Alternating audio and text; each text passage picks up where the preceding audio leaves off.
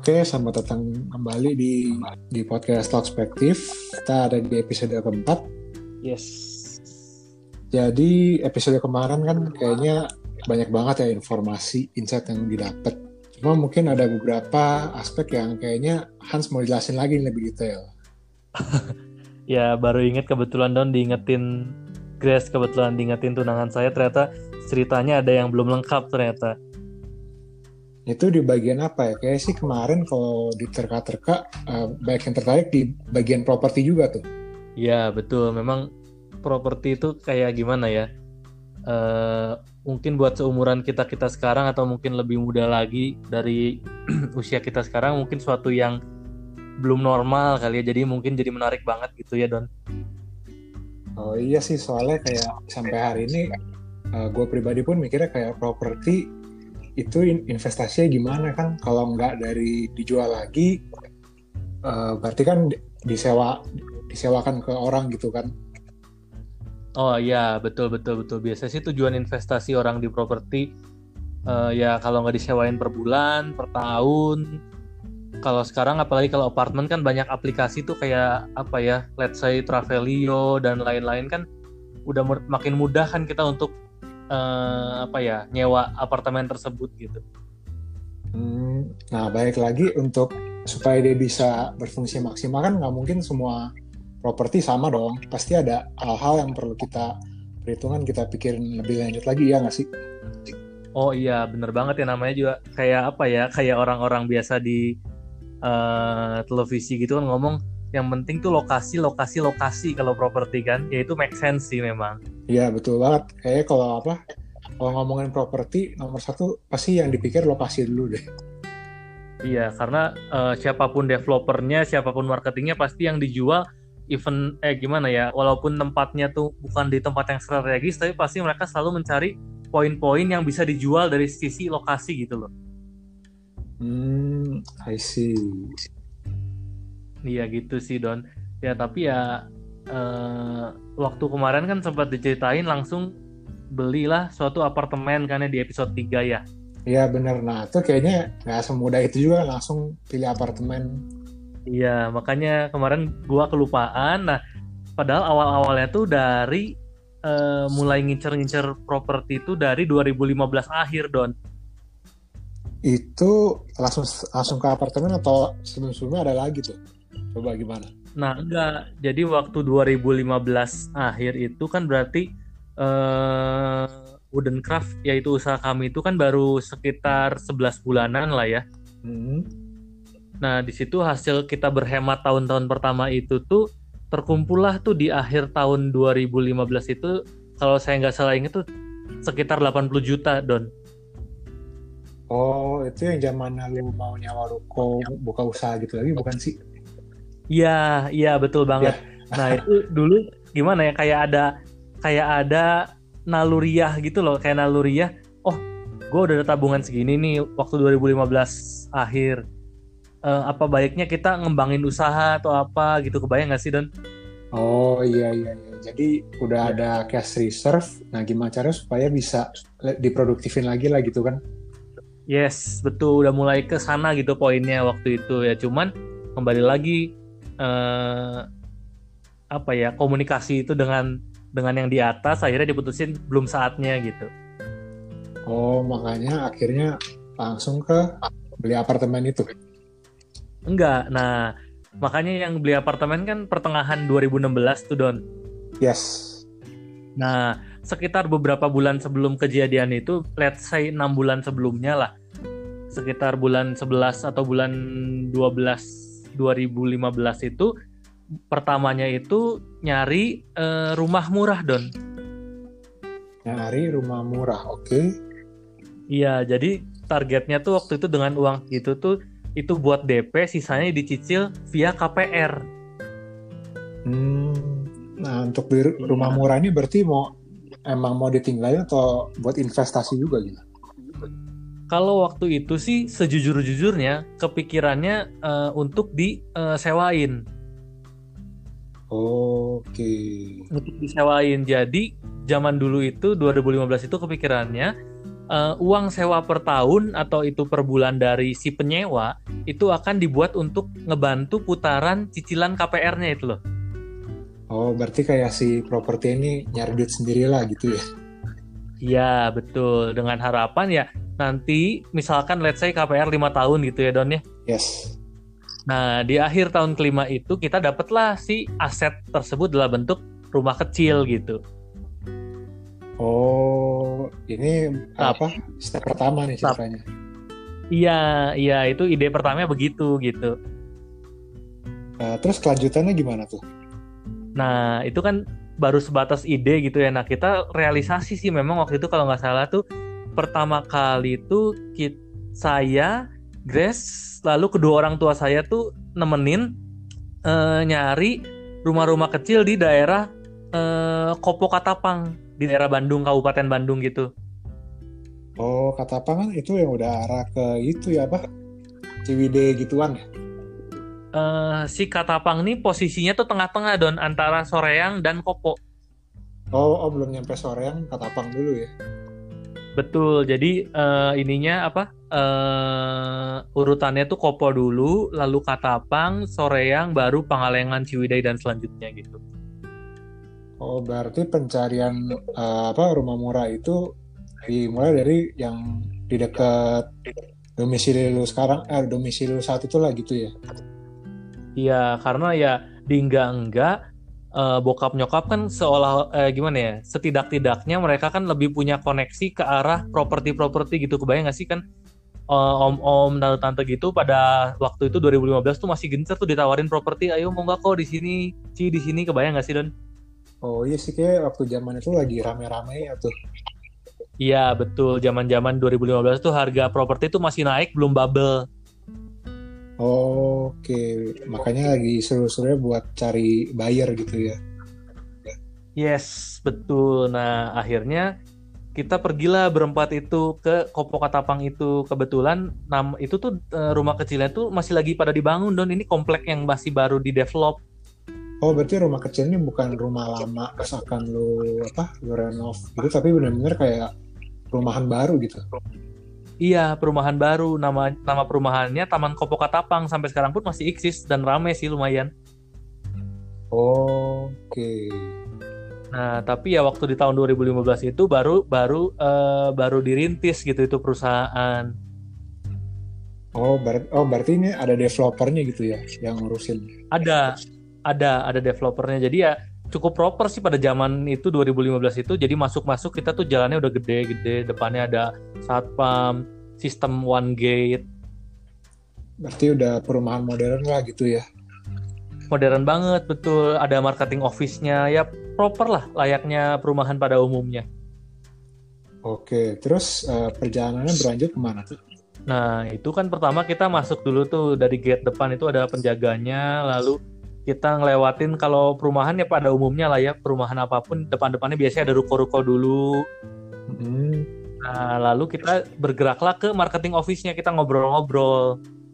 Oke pasti ya nak uh, ngomongin prospek perkembangannya gimana target pembangunannya ya, gitu ya. Betul lah ya penjelasan marketing lah ya. Nah itu marketingnya juga cukup kaget sih waktu di marketing office itu ternyata yang mau beli gua gitu bukan bokap nyokap gua gitu. Uh, kan datang kayak sekor gitu ya bapak ibu anak. Iya. Iya, soalnya dia pertama kali ngejelasin ke bokap nyokap gua terus bokap nyokap gua ngomong, "Oh enggak yang mau beli ini anak saya." Waktu itu dia ngomong gitu. oh ya udah deh mulai dijelasin. Lalu kita setelah dijelasin, kita ngomong budget kita segimana, lalu dia suggest kan dia, "Oh ya udah Bapak unitnya kira-kira cocok ini." Akhirnya dijelasin tuh sekalian kita langsung ke tempatnya ke rumah yang lagi dibangunnya itu. Oh berarti kan langsung kasih lihat dong apa pembangunannya gimana progresnya gitu ya? Yes betul. Beserta luasannya. Waktu itu kecil sih rumahnya sekitar berapa meter persegi gitu ya. Antara 40 meter persegi atau segituan deh. Nggak nggak gede kecil banget sih sebenarnya. Ah, oh ya lumayan sih sebenarnya. Iya iya ya, ya luas-luasan segitulah. Mm -hmm. nah cuman oh ya itu perumahannya juga udah itu sih udah cool desak sih Cul-de-sac tuh gimana tuh? Jadi ya dia uh, satu area tertutup, jadi uh, walaupun di sekitarnya ada kampung atau kelurahan lain itu nggak nggak bisa masuk gitu. Oh, ketutup lah ke tembok sendiri gitu ya? Ya, jadi ada ada dinding-dinding pembatasnya gitu ya. Secara security pun oke okay sebenarnya. Hmm. Setelah lihat unit itu sebenarnya cocok, cocok don di situ. Entah kenapa cocok. Lalu balik lagi nih ke marketing office. Mulailah ngobrol-ngobrol tentang uh, paymentnya gimana. Oke, mau mau closing payment, nih. Payment. Iya ceritanya closing, paymentnya gimana Nah, ternyata eh kan sorry tadi kan rencananya DP 80 juta, sisanya KPR kan, Don. Iya.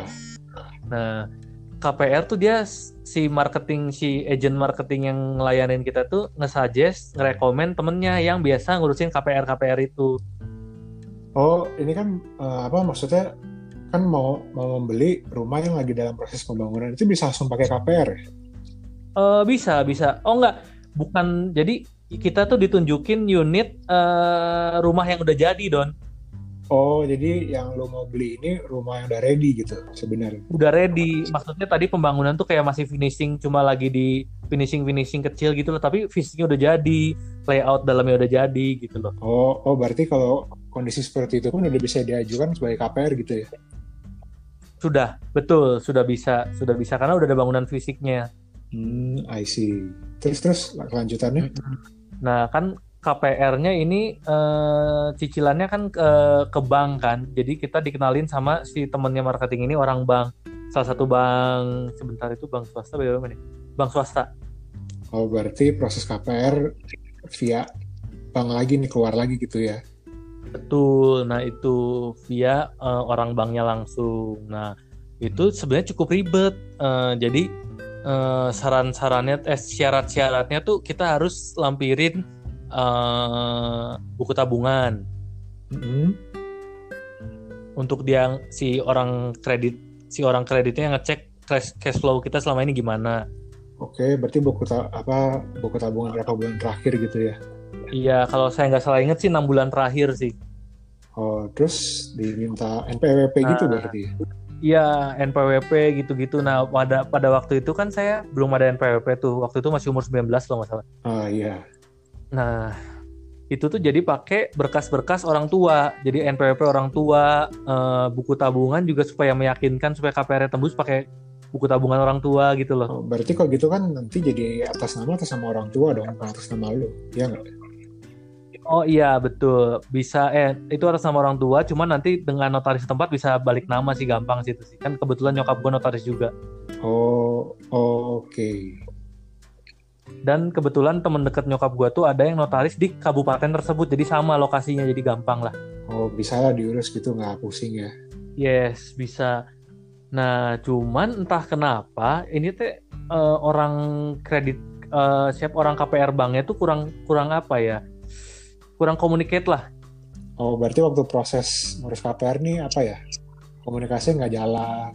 Nggak jalan dengan baik gitu, jadi agak ribet gitu. Kebayang nggak sih Don? Apa padahal kayaknya waktu proses pemilihannya udah oke, okay, udah seneng, cocok, eh mau masuk pembayaran malah kok kayaknya apa kehalang-halang gitu kali. Iya betul, kayak dipersulit juga sih dia waktu itu sempat ngomong aduh Kohan sorry cina uh, ini buku tabungannya cash flow apa pergerakan uangnya kurang memadai. Kan agak nggak agak nggak make sense itu kan pakai buku tabungan orang tua gue gitu maksudnya. Ya should be good gitu. Oh pas oh ya sebelumnya boleh digambarin nggak harga rumah berarti berapa bisa dengan DP 80 juta gitu oh iya itu uh, harganya kalau saya nggak salah ingat antara range 300 400 don Oh berarti waktu itu uh, range 400 bisa KPR dengan uh, DP 80 juta dulu gitu ya? Bisa, bisa. Itu opsi KPR-nya juga bukan yang panjang, itu termin yang lima tahun kan. Uh, kalau nggak salah dulu waktu itu paling paling panjang tuh 15 tahun don. Oh ini aja bisa ambil yang lima tahun berarti cepet ya? Iya iya karena emang gue tipikalnya nggak mau yang lama-lama gitu waktu itu juga mikirnya. Hmm. Ya, karena kan sebenarnya pada, pada prinsipnya kita nyicil makin cepat kalau KPR makin makin untung ya supaya bunga floatingnya nggak nggak lama-lama amat kita tanggungnya. Iya, kalau makin lama bunganya ampun dah. Iya kan biasanya KPR kan uh, setahun dua tahun pertama fix fix rate, and then the next year uh, tahun ketiga tahun keempat bisa floating kan kita nggak tahu berapa. Iya, udah fix rate pun yang kita bayar sebenarnya uh, bunganya dulu bukan pokok tambah-tambah ruginya. Oh betul. Iya. Betul betul karena di awal-awal tuh kita bayar bunganya dulu.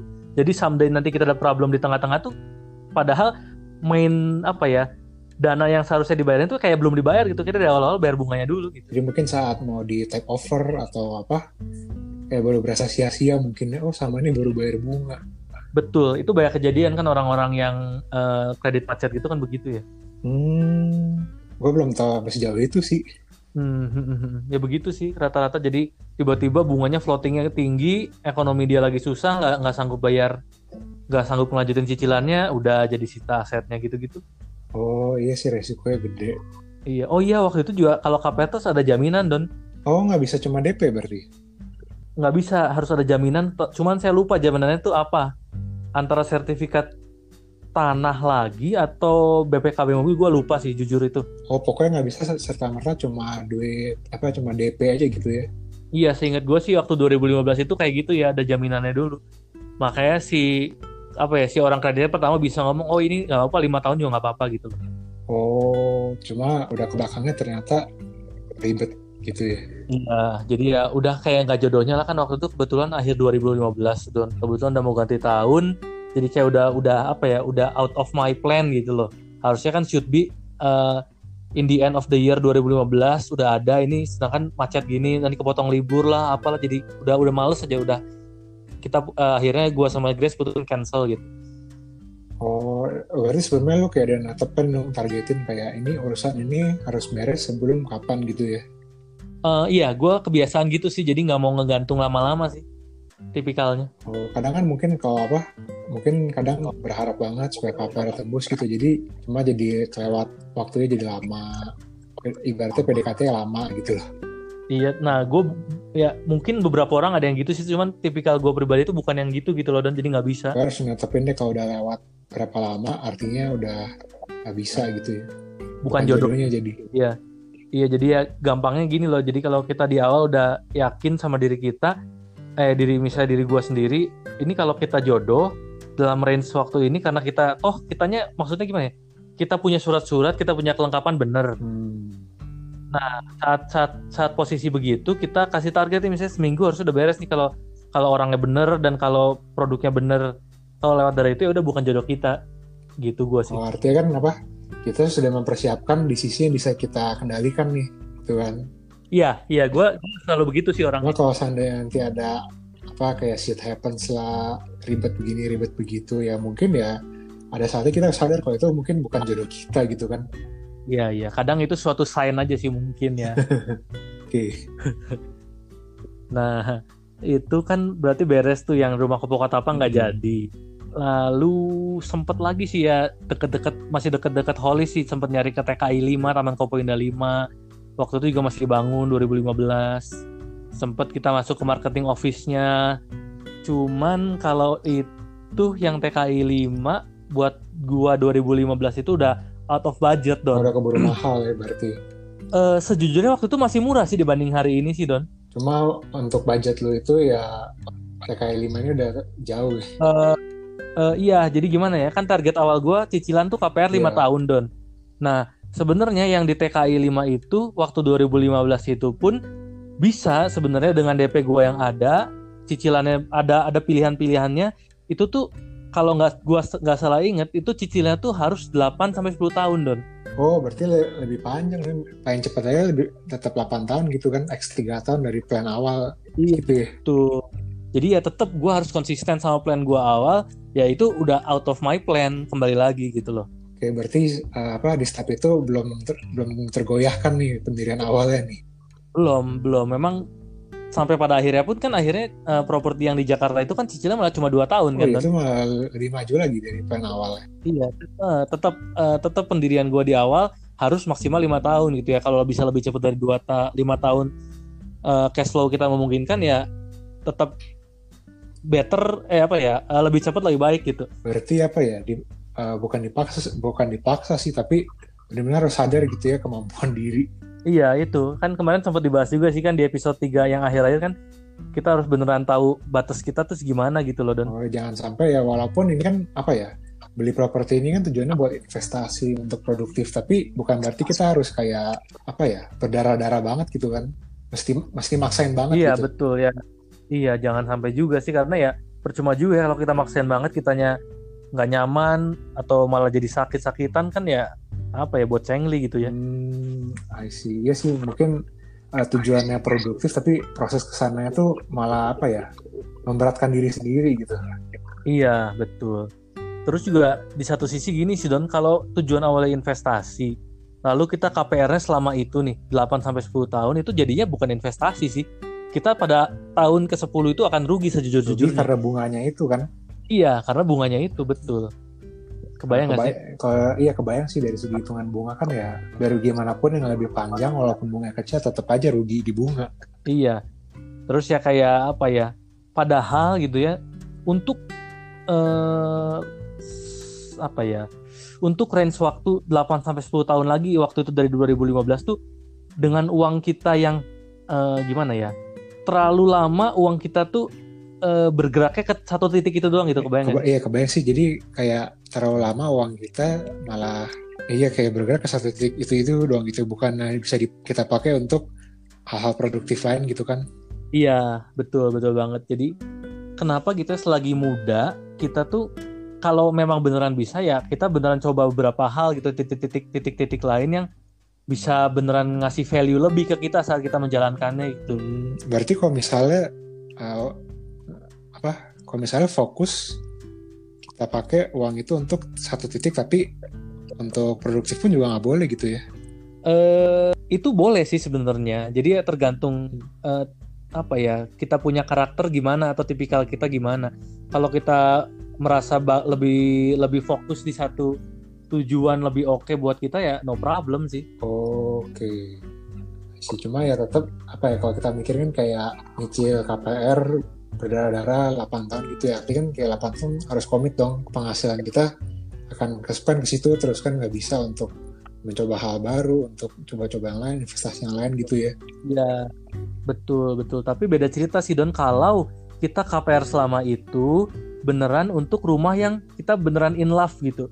Oh gue lihat rumah ini nih beneran cocok dari segi lokasi desain tetangganya nanti gimana. Kita spend uang kita 10 tahun di situ ya nggak apa-apa toh. Kita akan kasarnya kita akan nempatin tempat itu untuk forever gitu kebayang gak sih? Oh iya kalau ini kan karena baik lagi karena tujuan awal investasi jadi yang jangan dipaksakan yes. banget lah gitu ya. Ya betul karena kita highlight dulu sih ini tujuan awal uh, buying this property itu ya for investment gitu. Kalau untuk living ya no problem. Kalau untuk dipakai sendiri lebih cengli gitu ya.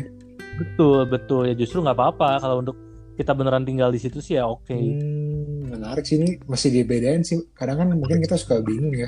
Kayak sejauh apa sih harus memperjuangkan iya. KPR, harus memperjuangkan pembelian properti gitu kan. Mm-hmm. Ya kalau tujuannya untuk kehidupan kita di masa mendatang, misalnya bersama pasangan kita, bersama next next our family ya, it's okay sih menurut hmm. gua sih. Ya either itu house or apartment ya it's okay. Oke, okay. menarik. Brand udah mulai ya kayaknya nih bentar lagi. Tenang, tenang. Semua akan ada waktunya. Nah, mantap, mantap. nah, jadi yang DTKI 5 kan Ayah. ini kita go on kita the stories lah ya. Nah, yang di TKI 5 kan jadi nggak nggak ini ya di luar budget gua waktu 2015 itu. Nah, lanjut karena oh iya karena nyokap gua kan uh, orang Indramayu kan, Don. Oh, oh berarti dia notaris di Indramayu juga oh. dong gitu ya. Betul. Nah nyokap gue tuh buat yang belum tahu dia notaris di Indramayu juga sampai hari ini. Oke, berarti sebenarnya ada ada ruang dong untuk lo nyari-nyari properti investasi di sekitar situ. Yes, betul banget. Nah, kan yang waktu apa Taman Kopo Katapang sama TKI 5 itu kan akhir 2015 yeah. tuh Don. Nah, setelah dua itu belum cocok, nah kita mutusin ya udah kita istirahat dulu deh pencarian properti ini, kita nikmatin dulu deh libur akhir tahun dan tahun baru 2016. Oh, pos dulu nih.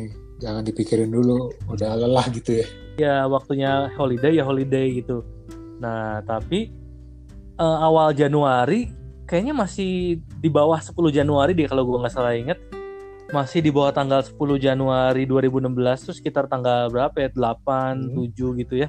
Nah, itu gue sama Grace tuh mutusin berdua doang ke Indramayu. Dengan tujuan tadi itu mau melanjutkan lagi?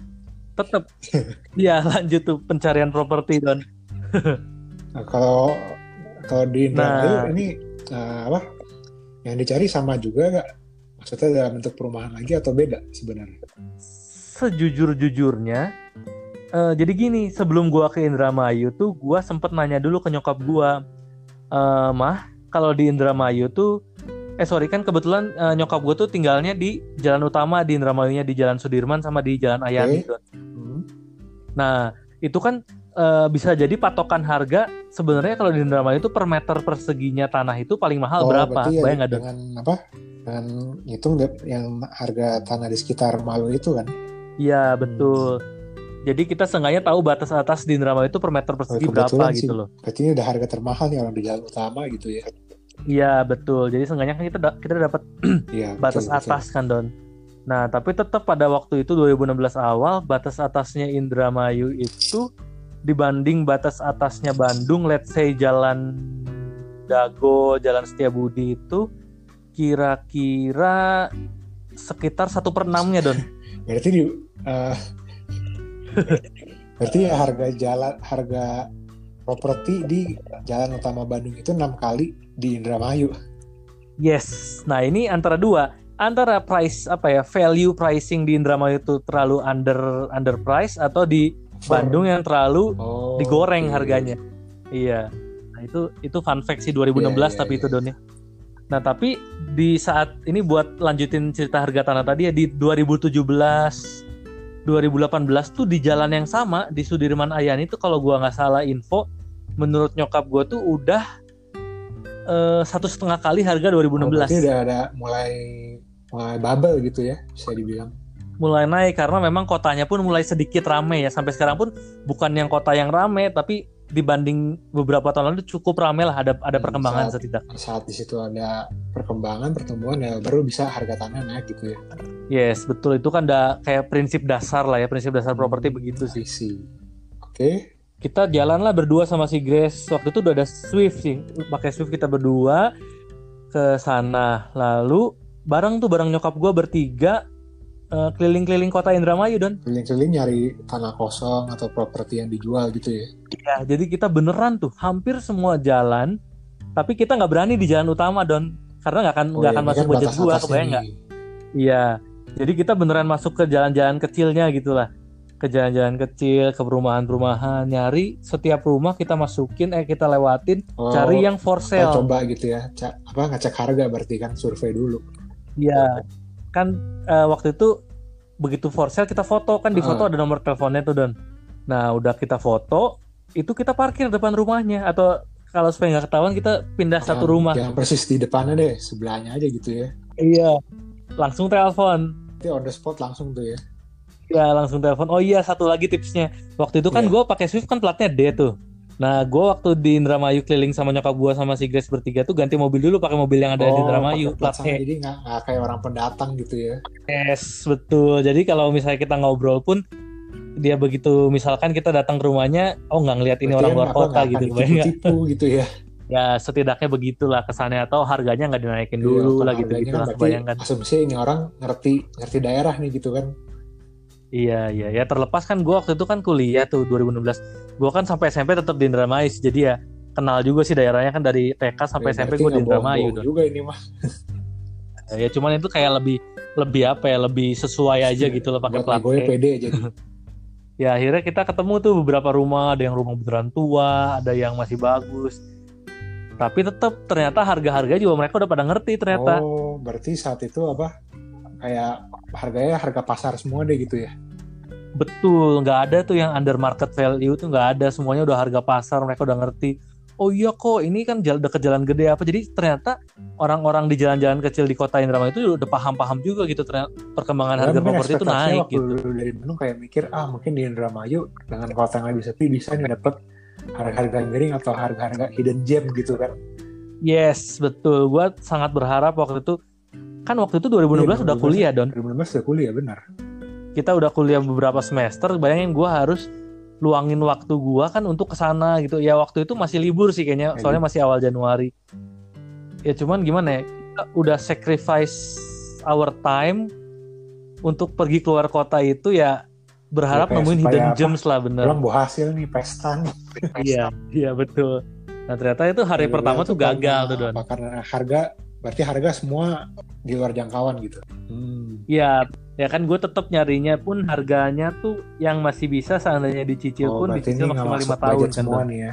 ya semua ternyata udah terlalu ini terlalu apa Hmm. terlalu wah harganya nah mulai itu mulai mulai Jadi next desperate tuh, Don. ganti, ganti strategi. Nah, ganti strategi. Gue nanya ke nyokap gue, eh, mah, Iya. emang kalau biasa kan nyokap gue notaris kan ya? Mah, biasanya yang transaksi jual beli ke mama itu selain rumah atau gudang itu Hmm. apa? Kata gue teh. Nah, dia jawab lah, Sawah Banyaknya sawah. tanah, berarti kan sawah kan ya ditanemin gitu kan. iya ya sama sih pada prinsipnya eh, Oh, ya gitu, tanah tapi dalam bentuk sawah gitu loh dan iya kan kadang kita juga bisa aja di kota kota gede pun beli tanah tapi eh, most of the part itu Oh, eh, iya, iya. rawa Nah, gue gitu pikir nggak? beli sawah itu kayak udah berikut ada isinya Tetep kan. oh oh gini beli sawah tuh bisa kebagi dua sih don bisa kita beli sawahnya lalu kita eh, buang berangkal gimana ya kita timbun berangkal jadi suatu tanah yang benar-benar tanah bisa dibangun bangunan Atau ya bener-bener atau yang benar-benar kita beli sawah untuk ya di dijalanin gitu harvest lagi moonnya jadi bertaninya jadi gitu. panen gitu iya lanjutin lagi bertaninya jadi kita ber, buat bercocok tanam gitu bisa tanah aja sih. dua macam kan. Entah itu tanah yang udah siap bangun atau tanah yang lagi dipakai untuk berkebun atau apa gitu ya. Iya betul. Jadi ada ada dua tujuan juga sih kita beli tanah. Kalau tanahnya itu dalam bentuk sawah atau kebun ya bisa kita lanjutin usaha tanah eh usaha pertanian atau perkebunan atau kita eh, develop jadi suatu tanah Oh, tanah ini- siap bangun gitu. lagi nah itu har- dari harganya beda nggak? Beda. Kalau tanah tanah dalam bentuk sawah itu gini kan kalau sawah itu eh, rata-rata lokasinya udah di lebih- pinggir lebih pinggir kota kan Don. pinggir, lebih terpencil gitu ya Iya, jadi sebenarnya apa pun kotanya eh, walaupun bukan Indramayu, even kita di Kabupaten Bandung pun kalau kita ketemu tanah tuh hitungannya Terus bukan per meter persegi lagi? Don. Nah, oh bentar, nanti kita kelewat ceritanya. Oh, iya, jadi iya. kan gue nanya ke nyokap gue tuh, Don. Yang kata dia kan, oh ya yang yang kata nyokap gue kan, oh banyaknya tanah, eh banyaknya sawah kok yang Hmm, beli yang transaksi. Pikir nih sawah Nah, udah gue kepikiran, kenapa nggak beli sawah aja? Kan kita bisa-bisa aja kita Oh, cobain iya, gitu ya, iya. kebayang nggak sih Don? Nah, langsung tuh malam itu juga nyokap gue tuh telepon salah satu eh, kan dia notaris tuh, jadi di notaris tuh di Badan Pertanahan Negara di BPN tuh ada orang yang biasa ngukur untuk, patok Don. Eh, kasih tanda gitu ya tanahnya tuh segede apa Yes, betul betul banget. Nah, kan nyokap gue udah lama tuh notaris dari tahun 97 ya, 98. Jadi dia udah banyak kenalan tuh di orang-orang Badan Pertanahan Negara, Oh, orang patoknya siapa nih aja. nih, shortcutnya Yes, setidaknya iya. Jadi si orang patok itu ngasih ngasih suggestion. Ini bu, eh, ini bu eh, ada tanah sawah di sini ada yang mau jual. Oke, Si bapak Anu lah sebutlah. kontak beliau Iya, nah langsung tuh kan tuh malam tuh ngontak eh, kalau gua nggak salah ingat malam-malam ngontak si orang patoknya. Besok Wah, pagi gercep janjian ya sama yang punya sawahnya don langsung. Gercep karena kan gua nggak bisa lama-lama di Indramayu don. Gua iya, posisinya kan udah kerja wooden. nggak bisa ditinggalin gitu ya Iya betul. Jadi kita di sana cuma 2-3 Hmm, hari nggak I bisa lama gitu. langsung nih Iya, pergilah tuh kita keesokan harinya pagi-pagi eh, pakai Avanza dari kota Indramayu ke daerah deket-deket Patrol adalah suatu nama eh, masuknya desa di sih itu desa Patrol ya. kan Pinggiran Indramayu. Memang masih Kabupaten Indramayu, cuman jaraknya dari rumah gua yang di kota Indramayu itu tuh sekitar jauh berarti 20 sampai 30 km lah dan kilometer jauh, jauh. Mm-mm. Itu kita ke sana itu lewatin Pantura tuh jalan pan- pantai utara. Pantura. Iya, jadi itu kita masuk ke Jalan Raya Pantura, lalu kita belok di apa ya? Jadi di Jalan Pantura tuh kalau ada keramaian dikit atau pasar dikit Oh, itu udah suatu kayak daerah keramaian ada gitu, bayang satu desa gitu ya Iya, suatu desa sendiri gitu lah, kan. let's say begitu. oh Nah, masuklah ke desa Iya itu. kalau ada keramaian berarti ini patokan Apa? ini ada satu pemukiman nih Yes, betul banget, betul banget. Nah, masuklah ke suatu jalan kecil. Eh, bukan jalan kecil. yes Ini kan kita di Pantura nih main road. Eh, main road kita belok kiri, wah masih gede nih jalannya. Kita di situ berhenti, teleponlah si oh orang patok ya, itu. ketemunya. Janjian iya. Pak ini saya udah di sini nih. Eh ini lokasinya di mana Iya. ya? Loh gua kita pikir udah deket kan? Oh sorry kondisinya itu kita di mobil bertiga juga tuh. Formasi gua hunting Grace sama nyokap gua bertiga. Iya nah eh tanya kan orang patoknya pak ini di mana? Kita udah nyampe sini. Ternyata dong itu dari jalan utama ya ke tempat sawahnya itu sekitar adalah Anjir, berarti kayak 15 kilo lagi dari Indramayu ke situ 15 kilo jauh. Berarti berapa jam masuk ke dalamnya lagi kan setengah jam kali. Adalah sekitar Oh satu iya, jam karena jalan beberapa gede jalannya lagi. rusak. Iya gila itu kita pengalaman banget sih itu gua beneran pengalaman banget. Kita waktu itu ngelihat Indomaret, Alfamart begitu senang banget. Wah ini gua Masih masih, masih selamat balik kasarnya. Iya masih ada bala bantuan gitu. Beneran ke Oh, sepedalaman gila. itu Don. Gila emang gue juga kaget. Jalan- Untung pakai Avanza rusak. loh. Aduh. Iya untung pakai Avanza Itu plat E jadi kan membaur itu ke gitu dalam ya maksudnya. Sawah semua gitu kan. Jadi awal-awal sih masih rada tenang sih. Walaupun jalannya rusak tapi kanan kiri tuh masih itu loh. Eh ini Oh, iya, iya, sarang berarti- burung walet tau nggak? Rumah gitu bukan sih? Gede. Iya jadi kayak suatu bil suatu gudang gede padahal isinya sarang Oh. burung walet itu banyak di daerah Indramayu. nih. Karena kan sarang iya karena sarang burung walet kan baru bisa eh, berhasil kalau eh, daerahnya Oh, sepi nggak ya boleh daerah waktu ramai dong. lewat itu bukan pemukiman dong. Eh, rumah-rumah tapi berpenghuni gimana ya gitu kayak nggak ada kehidupan aja Sepi. gitu loh. Oh tetap. Ah berpenghuni sih berpenghuni dan tetap berpenghuni tetap tetap. Nah ya pada akhirnya sejam kemudian setelah kita lewatin beberapa jalan rusak mulai makin kecil makin kecil makin kecil jalannya sampailah di sawah yang kita Sudah satu tuju. jam itu.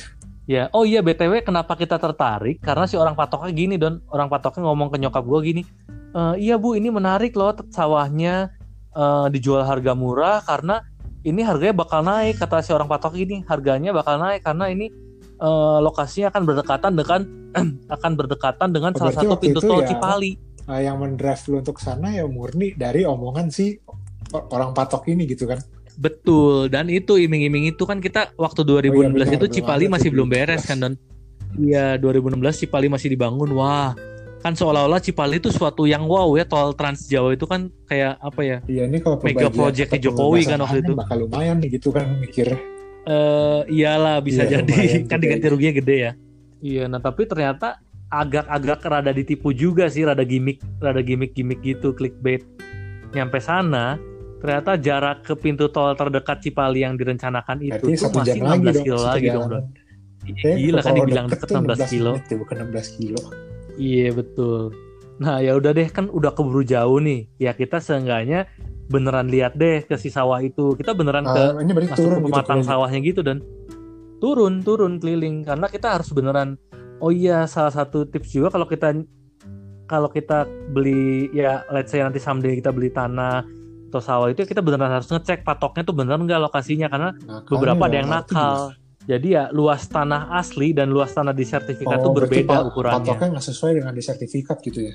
Iya betul, sedangkan itu harus sinkron yang bener Hmm, kalau kita nggak mau dirugikan. Mm-mm, Nah jadi, nah tadi tuh yang kata gue sempet gue bilang kalau harga sawah tuh Oh, ini beda kan sama kayak harga per meter persegi don. Sawah yang ditawarkan gitu ya, bukan tanah berapa meter gitu ya bilangnya. Yes, bukan yang kita udah akhirnya sampai ini sawah. Jadi kalau sawah tuh pricingnya tuh per Itu- itu tombak, satuan tuh, per tumbak. Setahu gue sih iya, karena kalau waktu itu gue ke yang Indramayu pedalaman itu per tumbak. Gue pernah tahu dengar cerita di Pangandaran pun per tumbak.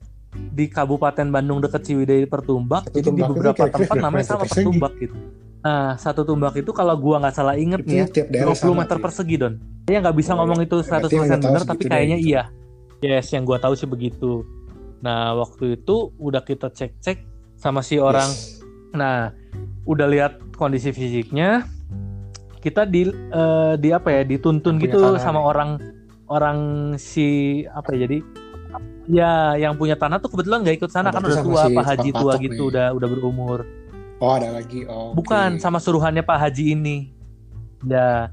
Nah, dia pakai motor, kita ngikutin di belakangnya. Ayo eh, Bu, kok Ci cenah katanya kita ke Oh, rumah pemilik sawahnya. Si Pak Hajinya dong. Iya, sama si Pak Hajinya. Itu ternyata dari sawahnya juga nggak nggak nggak dekat Jauh ternyata lagi, sekitar berapa ya? bukan 2 langsung. 3 kilo lah. Itu beneran deh gue bersyukur banget gue pakai Avanza itu nggak pakai Swift kalau pakai Swift gue nggak ngerti deh gue pulang gimana. Nyampe lah ke rumah Pak Haji itu ngobrol-ngobrol di dalamnya. Itu pengalaman sih gue kayak waktu itu gue masih umur 19 atau 20 ya. Gue kayak wow gue udah ngobrol sama Pak Haji gini dalam rumahnya di antah-berantah gitu Iya, kayak challenge juga gitu kebayang gak sih? gitu kan. Iya, se- secara psikologi, wow ini ya udahlah gue anggap pengalaman baru deh. Ngobrol-ngobrol lah. Nah di situ mulai tuh bahasa daerah oh, karena kebetulan berguna banget. apa, dari kecil tumbuh di situ berarti bisa dong ngikutin logatnya bahasanya. kalau logat dan disuruh Oh. ngomong sih jujur waktu itu gue pun udah nggak bisa Oh, Untung ada nyokap apa, nyokap gua masih lancar banget. Nyokap lu. Eh, enggak sih jadi Oh, nyokap gue oke, kayak oke. membantu mencairkan suasana gitu loh dan iya gitu nah waktu itu tuh kalau gue nggak salah inget ditawarin sama si bapaknya dia buka harga Itu 120 untuk berapa juta tumbak? gue lupa sejujurnya tapi kalau gua nggak salah inget itu tanah tuh 200 120 juta, sampai 300 meter Kan persegi bisa Don. pakai KPR nggak tuh? Ah, itu nggak ngerti gue waktu itu kayak memberanikan diri aja gitu. Entah kenapa di benak gua waktu itu ya 2016 gue pikir ah kayaknya kalau orang pedalaman gini gua tawar Oh, oke, juga oke. kayaknya dia Karena lepas apa? kebayang gak sih? Dengan harapan lu lebih ngerti, lebih berani gitu kan untuk nawar-nawar. Yes betul harapan gua gitu. Pertama dia buka harga 120 juta berarti kan itu Iya, eh, exceed my budget 40 juta kan Don? yes. Karena kan budget nih. tadi kan 80 juta tuh. Iya, gue pikir ya udahlah gua gua tawar-tawar lah. Seenggaknya closing deal 95 juta gue Iya, masih bisa masih bisa usahain deh dikejar. 15 juta lagi gue cari dari mana deh. Kebayang gak sih? Iya. Gua harapan gue closing 95. Eh gini dong si bapaknya ternyata si Pak Haji ini dia ngomong. Ngomong gini malah ke gua. "Dek, kamu kan eh, tadi Ah. mama kamu ceritain kamu kan kuliah nih ya. Kuliah di Bandung di kota gede coba kamu masa nggak bisa lihat sih prospek ini Oh, tanah ke depannya gimana kan bakal ada tol Cipali malah digituin dong gile nih orang. Wah ini orang gila juga ya maksud gua. 2016 kondisinya udah bisa ngomong gitu juga. Berarti gua pikir dalam pikiran gua waktu itu saat itu di dalam pedalaman pun orang-orang ternyata udah termindset pasar demikian gitu ya, harga properti itu naik kebayang gak sih? Apa karena ini pedalaman, udah tua, usaha sawah gitu ya? iya gua gua sampai bingung wow. Dan sampai akhir don itu harga 120 Jawaban-jawaban tuh dia beneran gak goyah ya, ya, gitu tadi. Iya beneran gak goyah sedikit pun. Paling dia kalau nggak salah tuh eh, dibantu pengurusan surat-suratnya gitulah dia bantu ke orang-orang sekitarnya supaya surat-suratnya lancar gitulah. Gile deh itu hari itu gua wah. Udah deh eh, apa eh, road trip kita ke Indramayu Jadi untuk hunting properti gagal di pikir. saja gitu ya. Iya jadi akhirnya ya udah kita putusin pulang ngomong ke. Oh ya udah pak nanti kita pikirin lagi kita kontak lagi gitu gitulah ya Hmm. penutupan gitu. Ya udah kita balik lagi tuh jalan rusak satu jam akhirnya nyampe main road Pantura nyampe lagi di kota Indramayu sejam kemudian berarti total dua jam tuh. Gue alot, Iya ya udah akhirnya kita nyampe ya udah deh kita putusin lagi. mungkin belum saatnya. Iya ya udah akhirnya itu kan Januari 2016 tuh besoknya gue pulang lagi sama Ah. Grace ke Bandung. Nyokap gue kan tetap di Indramayu notaris ya. Nah mulailah tuh. Hmm ini kok entah kenapa sign untuk invest di salah satu properti itu kenapa masih ada gagal gitu? Berapa kali, tapi kayaknya tetap harusnya harus invest ke properti gitu ya. iya entah kenapa kok apa ya bisikan-bisikan itu ada terus. Ya akhirnya mulailah nanya-nanya eh, nyari-nyari. Kan waktu itu gue sama si Grace juga suka ke mall tuh. Ke mall kan suka ditawarin tuh apartemen apartemen kebetulan waktu tahun itu di di Oh, Bandung berarti 2016 tuh belum terlalu banyak tuh apartemen Bandung gitu ya. iya gue mulailah ke apartemen yang mungkin waktu itu salah satu opsi yang bisa kegapai dengan DP yang eh dengan uang untuk DP yang gue punya saat itu dan dengan Oh, cicilan yang nggak lama-lama amat rumah gitu. Apa, rumah tapak gitu ya, nggak mau apartemen ya. betul betul banget. Karena ya entah kenapa ya Oh, berarti Nggak kepikiran aja gitu ke apartemen gitu Baru nih ganti lagi apartemen deh. Iya, nah di saat yang bersamaan ternyata bokap nyokapnya si Grace tuh ternyata baru beres juga ternyata tuh cicilan Seberang apartemen Unpar. itu Parahyangan Oh. Residence dan di depan di seberang Unpar. Iya, jadi ya gua secara nggak langsung gue juga nanya-nanya dong ke bokap nyokapnya gimana sih eh, eh, cicil apartemen ini ininya Hmm. apa syarat-syaratnya suka dukanya gitu-gitu loh.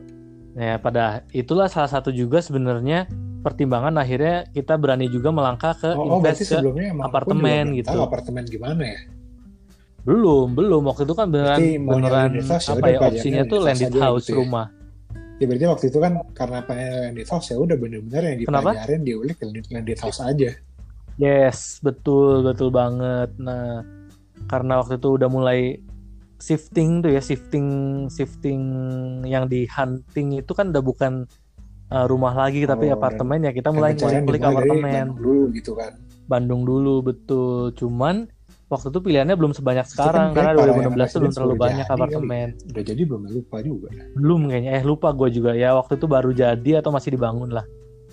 Nah, waktu itu tuh jadi kita keliling tuh setiap ke mall, udah mah ditawarin sama orang propertinya ya, udah ditawarin. Iya benar. Kan Di setiap kita ke gitu mall kan. tuh suka ada tuh don pameran-pameran properti tuh. Ya, nah itu kita ditawarin tuh sering waktu itu 2016 awal-awal ya kita tertarik aja sih ya. Oh, saat kita apa, ditawarin, kita seolah-olah belajar hal gitu baru kan, Don? Ditawarin udah dengerin aja mau diajarin apa gitu ya mindsetnya. Yes, betul banget, betul banget. Waktu itu jadi belajar banyak tuh apartemen di Bandung.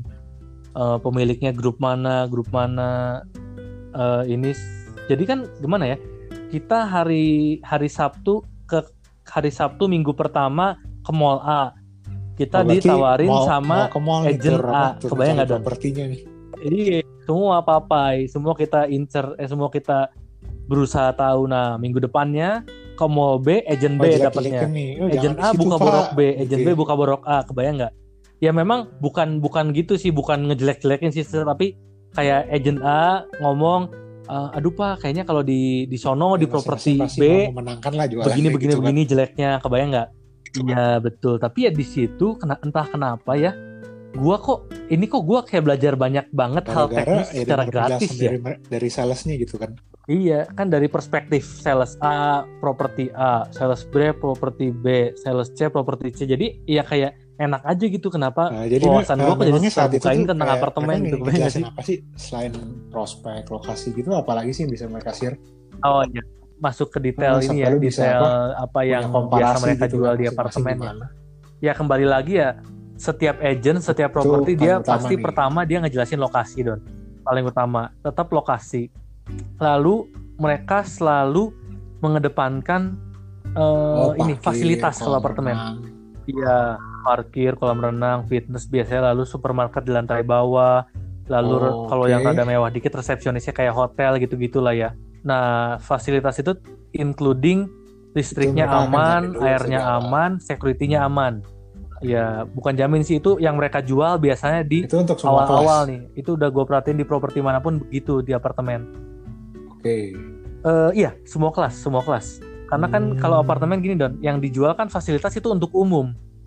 Nanti kalau kelas-kelasnya lagi kan itu yang Eh, membedakan hanyalah kelas eh, ada luasan UN, unit yang kita beli. Gitu. Oh, Oh. nah ini menarik. Karena kalau di Bandung itu rata-rata kelasnya sama aja, Don. Pada tahun itu 2016 Oh, tuh kalau ya apartemen di Bandung tuh kelasnya rata-rata sama aja. Apa ya fitur yang sama gitu ya. Iya, jadi itu kan jadi banyak kayak banyak insight kayak kebayang nggak sih? Kalau kita bandinginnya bukan apple to apple kayak di Jakarta misalkan gua ini perumpamaan lah ya, misalkan gua Iya. ke properti di Bekasi atau di Jakarta Timur gitu ya.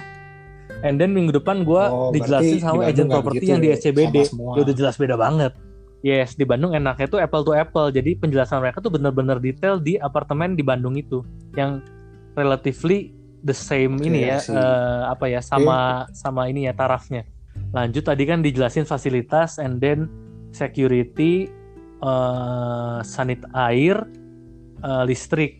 Nah, lalu yang biasanya mereka jelasin lagi itu oh ini luasan bangunannya Yes. tuh misalkan kalau apartemen paling kecil kan studio kan Don. Nah, walaupun studio, tapi beberapa apartemen tuh ada ada perbedaan. Mhm. Ada yang mulai dari 20, sekian meter persegi, ada yang sampai Oh, berarti, 24 nah, meter persegi itu masih masuk studio. gitu ya. Ngeblong aja kan. Oh enggak, eh gini, eh apartemen tuh dinamain studio tuh rata-rata dari eh, ukuran unit Don. Terlepas itu Oh, Dalamnya kosong atau dalamnya fully tidur furnished? gitu? eh kalau kita bahas ke sini ke sini ya, yang studio tuh rata-rata ya ada kamar Oh, tidur. Tapi biasanya only ya one master ngeblong bedroom. Kayak kamar hotel gitu loh. Enggak ya? Enggak juga, enggak juga. Itu sih kembali lagi kalau Hmm, desain dalamnya sih ya tergantung interior design itu tergantung developer. Gitu ya. Yes, betul. Hmm, Itu pun oke. ya terjadi di Jakarta pun demikian sih. Mm-mm. Nah, lanjut lagi setelah mereka jelasin detail ukurannya yang ada ternyata ada perbedaan juga tuh di studio segini sampai segitu. Nah, terus mulailah mereka jelasin ini ini aman kok karena developernya si A, developernya si B. Oke, Mulai jelasin nih. nama developer yang membangunnya. Iya. Nah, setelah developer yang mereka jelasin lagi itu eh, serah terima kapan atau kita bisa dipermudah dalam hal tenang kok eh, nanti eh, AJB-nya atau kalau mau nih KPA kalau mau KPA gitu ya. itu kita permudah ya gitu gitulah yes nah selalu poin terakhir yang mereka ini sih gua gimana ya gua nggak bisa generate semua begini cuman yang gua alami sih selalu maksudnya izin apa tuh nih, kit- berarti? mereka nggak nggak terlalu jelasin gitu ya. izin mm, ini kan mereka Yes. membangun suatu bangunan yang namanya apartemen itu di suatu lahan kan nah izin Oh, pembangunan tuh jarang dimention sama mereka entah kenapa di Bandung itu? Nah, gua pun waktu itu sempat bertanya-tanya, Iya. emang kenapa ya apartemen-apartemen di Bandung emang izinnya bermasalah? Gue pikir gitu kan. Oh, mereka Nah, ternyata memang begitu bermasalah. kebanyakan. Ya, karena kan banyak tuh kalau kita throwback lagi 2018, 2017 itu banyak kan Ridwan Kamil waktu itu masih wali kota Bandung itu banyak ngungkit-ngungkit kan ini apartemen di sini Oh, izinnya iya, bener, inget ini sih, apartemen di sini bangunannya ketinggian. Iya, entah itu izin daerahnya, Terus pangkas berapa entah lantai izin gitu-gitu kan waktu itu. sekitarnya, entah izin ketinggian bangunan. Iya betul. Jadi ya cukup cukup disembunyiin sih waktu itu gua ngalamin Oh. tahun 2016 tuh izin-izin tuh sempat disembunyiin gitu. Nah yang unik lagi, eh udah sih waktu itu akhirnya gue putusin Oh, ya ambil Oh, apartemen berarti yang itu waktu di Jakarta Bandung, ini. ngeliat di Jakarta juga dong. Oh iya iya, gue belum sempat cerita ya. Waktu itu juga sempat nyari-nyari sih di Jakarta yang prospektus yang mana, yang harganya masih murah, Berarti kalau yang di Jakarta kira-kira cara nanti buat jangka panjangnya lagi bagus yang mana gitu. Eh entah kenapa ya Don ya gue waktu itu nggak pernah Oh, dijelasin gimana? secara langsung sama agent Jakarta Don. Nah gue tuh waktu itu eh, karena udah Hmm. merasa cukup informasi dari agent-agent di Bandung tentang apartemen di Bandung. Nah gue cara cross checknya gini waktu itu selagi nanya-nanya di agent di Bandung itu gue mention apartemen Oh, yang udah mau beli ini gimana ya kira-kira bagus ya berarti gitu. kan? iseng kebayang gak sih? Iya udah membawakan. Karena kan udah ngobrol-ngobrol nih. Ya mostly ngobrol-ngobrolnya santai sih. Jadi gue cukup berbaur lah sama si agentnya akhirnya dia minta nomor gue dia dia whatsappan juga kadang gue nanya juga di WhatsApp ini properti yang gue incer ini di Jakarta ini Oh, gimana mereka ya, menurut mereka aja. oke aja gitu it's a good choice Iya, dari mereka oke oke aja malah mereka. malah Oh, ya kalau bisa ambil itu kalau masih bisa dapat unit ambil aja kok katanya gitu. Oh, Iya, ya udah akhirnya gue bulat tuh tekad belajar di beli. Bandung, Gitu. ngerti di Bandung, terus dengan ilmu yang itu ya langsung pakai pilih di Jakarta gitu. Iya, tapi ya tetap sebelumnya gue tetap cross check lagi ke nyokap bokapnya Grace karena kan Oh, setidaknya iya. mereka Oh, udah lagi berpengalaman ya duluan. iya Iya, ada lagi benar. bahan belajarnya kan selama ini belajarnya dari pihak penjual kan agent sales kan. Nah, gue juga mau Oh, belajar dari juga pas perspektif bisa buyer gitu. eh, apa akses belajarnya enak nih bayar langsung Bayang, gitu ya. dari pengalaman. Betul. Nah, entah kenapa, entah itu coincidence atau enggak, properti apartemen yang dibeli bokap Oh, langsung itu satu tekadnya gitu ya. properti Udah- dengan yang gue beli. duluan. Iya, Kan, oh, ya, sama-sama brand X itu. Iya, dan entah kenapa si brand X itu di Bandung pun cukup baik ininya performansinya nggak pernah ada nggak pernah ada black case gitu Pokoknya ya nggak pernah ada ya apa ya kasus-kasus gelap pindah itu nggak ada. keliling lagi di Jakarta. Nah, gue gue akhirnya pada akhirnya keliling di Jakarta don. Tapi setelah beli yang apartemen pertama ini, jadi entah kenapa nih ya, Yes. eh, itu kan 2016 pertengahan don ya, yang apartemen akhirnya gue beli itu. Nah, entah kenapa ada kesan, wah Oh, ini kayaknya itu udah timing untuk apartemen jalan, kedua, kebayang lagi gitu ya. Oh, Betul, cicilan waktu itu saat kepikiran lagi itu nih. cicilan udah jalan setahun don. Yes. Ya, waktu itu cicilan udah jalan setahun, sisa setahun lagi kan Don. Nah, entah kenapa saat kepikiran itu, waktu itu waktu itu belum ada Beyond sih, waktu itu belum ada Beyond Sangjit yang si Grace Rintis 2018 belum ada. Entah kenapa di pertengahan 2017 itu, itu tuh Wooden Craft tuh usaha yang kita rilis Oh, 2015 makanya tuh seolah-olah meningkat Don investasi gitu ya. performansinya. Menambah trigger, wah ini kayaknya kita di challenge nih. Entah kenapa ya waktu itu seolah-olah begitu, entah kenapa, wah ini kayaknya kita Nah, di challenge bagus kita harus apa? nambah kan suatu kalau instrumen investasi lagi kebayang nggak performansi usaha kita kan kita mikir wah ini saatnya reward nih ini enggak. Enggak waktu itu tetap tetap pada tetap pada pembicaraan kita di episode 3 sih. Kalau gue tipikalnya nggak mungkin berarti kita pendapatan apa ya? bertambah gaya hidup kita bertambah tuh nggak bisa buat gue ada tanggung jawab baru gitu kan. Bukan hura-hura baru gitu. Yes betul iya malah waktu itu berarti kalau usahanya kita beneran jadi itu oh sorry ini suatu ini dulu ya. Oh kayak nggak spoiler jadi- ya oh, ini apartemen kedua tenang nggak nggak jadi gua beli kok nggak jadi gua beli. Oke oke. Iya ini spoiler dulu, spoiler dulu. Nah jadi kan waktu itu Don gue sempat mention di episode ketiga tuh Don. Nah yang pada waktu itu karena ada cicilan properti, uh, insurance dan reksadana, Yes. kan harus ada satu Yamaha Mio tuh Don untuk cicilan per bulannya. Nah kalau ditambah yang kalau jadi properti yang kedua ini, apartemen kedua ini, itu sebulan Oke, tuh harus ada kan berarti ya. Yamaha NMAX tipe terendah lah. Iya. Tapi kan waktu itu gua sama Grace Berarti mikirnya kita waktu itu kuliah udah tinggal setahun lagi. lagi produktivitasnya gitu ya. Betul banget tuh Don, betul banget. Di satu sisi itu kan udah akhir eh, Iya, udah ke, berkurang, ke kampus juga tuh nggak usah terlalu sering seperti pun biasanya kan. kurang gitu kan. Iya. It means kita porsi Oh, kerjanya iya, benar. bisa lebih besar and then kita porsi pengeluarannya lebih kecil. Yes, betul banget. Nah, di situ tuh entah kenapa ya, kok seolah-olah gitu ya. Sign-sign yang ada tuh seolah-olah Ya, jelas mendukung ke sih gitu. kepemilikan unit kedua ini gitu. Kebayang gak sih, Don? Heeh.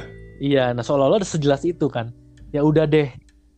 Eh, akhirnya kita bulat tekad bulat tekad bayar by Oh iya, sorry. Ini kalau yang Oh, apartemen beda. kedua yang ini kan kemarin enggak kan. Nggak itu tuh kita ketemu. dulu sama salesnya.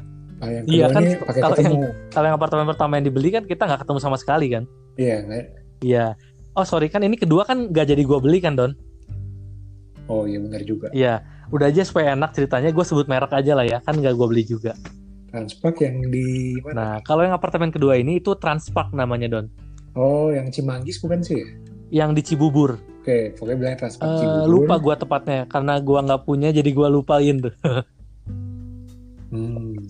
ya karena itu kalau dijualnya sih Transpark Cibubur. Nah waktu itu gua ketemu Di salesnya pun itu bukan di Jakarta atau bukan di Cibubur Don. Di Bandung Oh, karena itu kan Transmart. It means di satu grup sama Trans Studio Mall yang ada di Bandung. Oh, ini dipakai buat Yes, gede dia banget tuh gitu. waktu itu di main lobbynya yang biasa pameran mobil. Gede Wih, banget tuh beneran, gede banget. Kalau nggak salah Setuju. ngundang artis siapa gue lupa waktu itu. Iya, kita ke sana tuh seolah-olah udah pede nih. Wah, itu dalam hati sejujur-jujurnya Don ya. Gue itu ada rasa percaya diri entah kenapa karena Iya. gue sebelumnya udah pernah seolah-olah berhasil kedua, transaksi di unit gitu pertama kenapa kan. Bisa fail gitu. Iya, jadi seolah-olah di, kasarnya dalam hati gue waktu itu dia jelasin apa, so, seenggaknya gue udah ngerti gitu, kebayang gak sih? Heeh.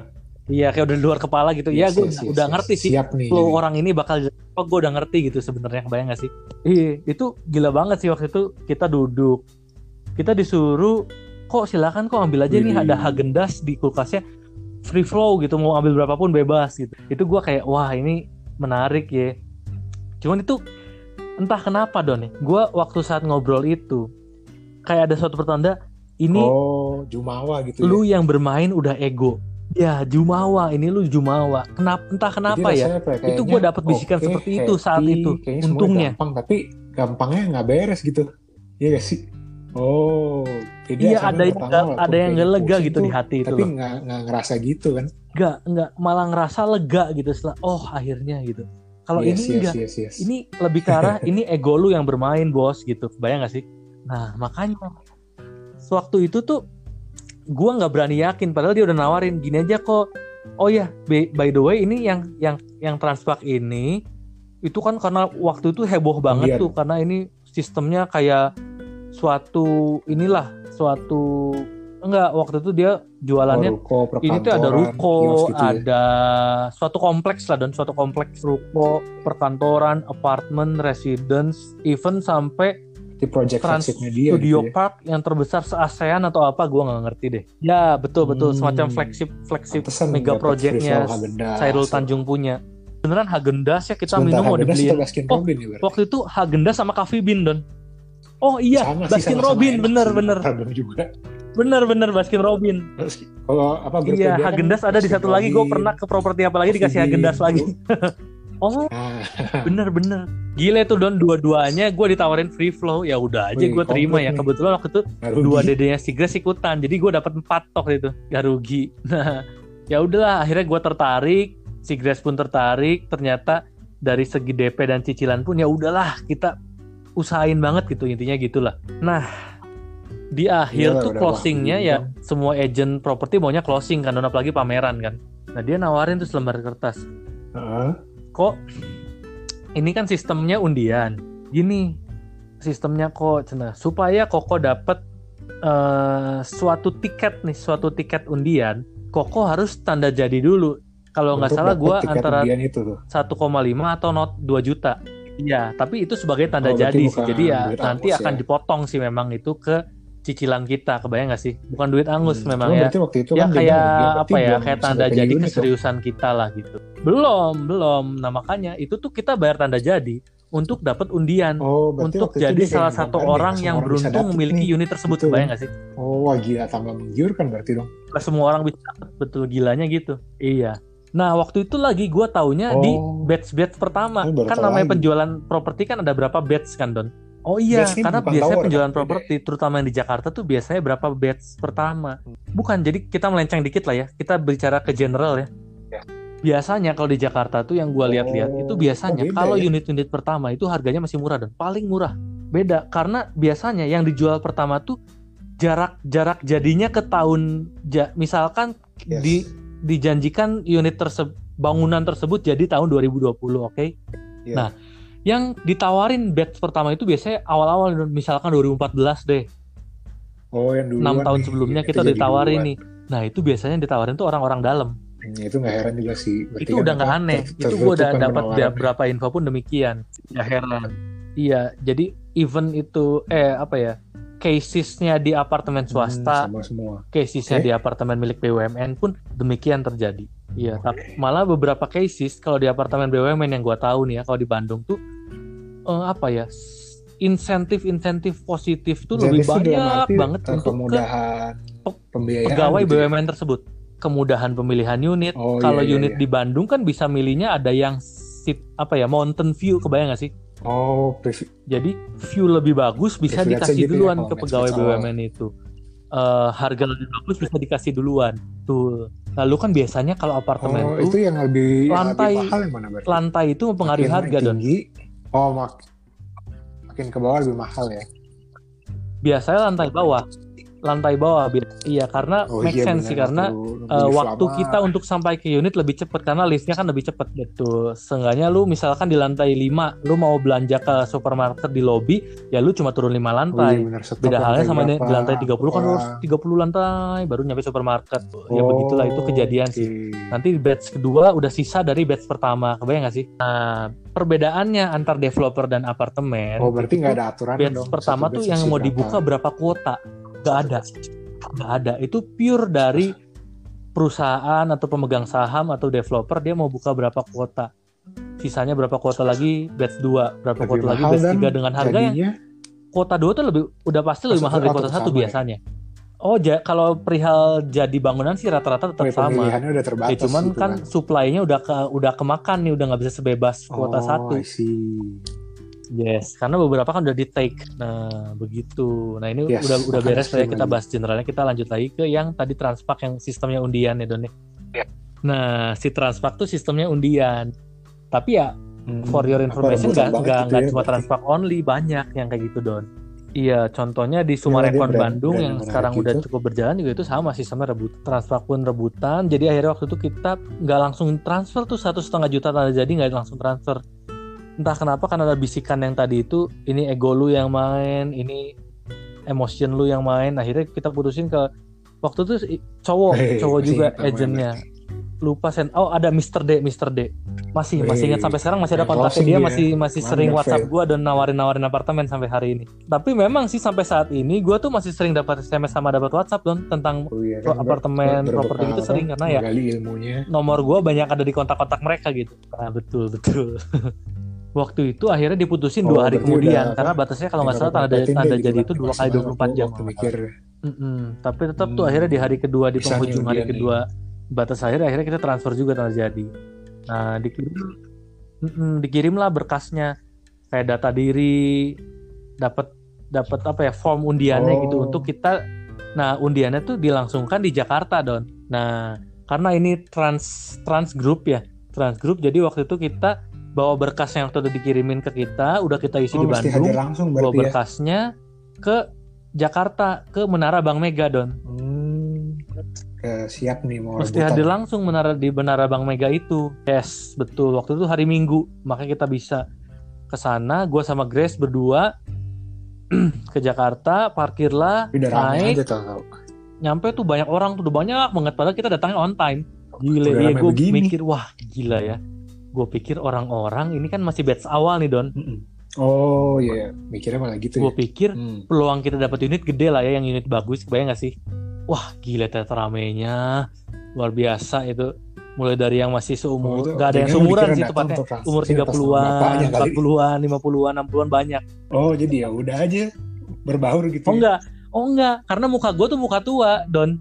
Iya, jadi dari awal Oh. pun ditawarin di mall-mall tuh ya? udah nganggapnya gue sama si Grace tuh udah suami istri. Oh padahal. Karena muka gue yang muka ya gue yang tua ini ya kayak 30-an, menjual juga 40-an kali buat ya. mereka ya. Gile, amin, amin. amin, amin. Nah, balik lagi. Itu Waktu itu tuh nyampe sana jam 10 pagi, Don. Jam 10 pagi ya itulah ada pembukaan dulu, ada sat- ada salah satu petinggi-petingginya dari Transpak Cibubur, Transmedia Group, Bang Mega acara petinggi-petingginya gitu ya? hadir waktu itu. Kita kayak di suatu ballroom gede gitu, Don.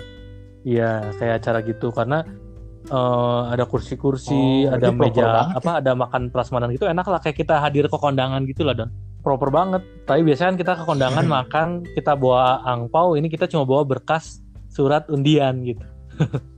ya Hmm, dengan berarti masing-masing orang yang datang itu udah deposit satu setengah juta untuk tanda jadi don. Iya. Nah ternyata sistemnya benar-benar pengundian. Jadi di depan disebutin diacak angka keluar nomor berapa. Nah nomor yang muncul di layar gede itu nanti maju ke depan ke bagian eh, transaksi. Ada bagiannya transaksi ada berapa meja gitu. oh berarti transaksi nggak sama agent lo Ada yang 10 waktu orang itu lah, ya? ada 10 orang untuk bagian transaksi don. Enggak, enggak, enggak. Oh, Jadi agent itu tuh udah ada referral 10 code-nya di lembar yang kita bawa itu. Beda Yes. lagi. Jadi di depan tuh kan disebutin tuh nomor berapa aja yang kepilih, ya. Nah, setiap Oh. disebutin tuh satu kali penyebutan tuh 10 angka yang keluar, Don.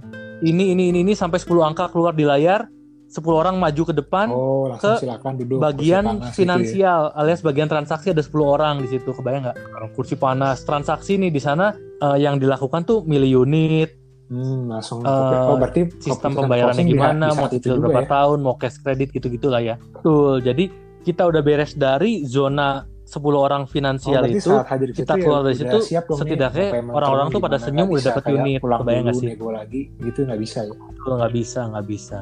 Ya karena sebelumnya kita di briefing Oh, juga bakal sama rebutan agent yang di gitu Bandung. ya. Kok nanti Koko di sana bakal gini gini gini gini gini gitu loh. Kebayang nggak sih? Iya. Nah, itu tuh mulai jam 10 sampai gua Oh, jam berarti 3 kan sore don, bayarannya udah apa, 5 udah jam. itu mix gue masih gitu ya? nomor gue tuh masih belum dipanggil iya gile kan terus gue udah mulai kesel juga sih maksudnya aduh kok gue gimana ya kasarnya gue tuh oh sorry itu tuh don kan yang gue Oh, bilang waktu yang di batch dua ya? Bandung itu kan gue batch batch awal kan kalau nggak salah gue tuh batch 2 don yes Iya. Nah, eh, kan yang batch satu tuh yang buat orang dalam itu loh, Don. Gua tuh udah dengan bangga hati. Oh ya, waktu itu disebutin waktu itu tuh yang pertemuan di ballroomnya Bang oh, Mega itu tuh kecampur berarti ya? disebutin itu adalah batch 2 dan batch 3 oh campur dari beragam agent se-Indonesia, Don.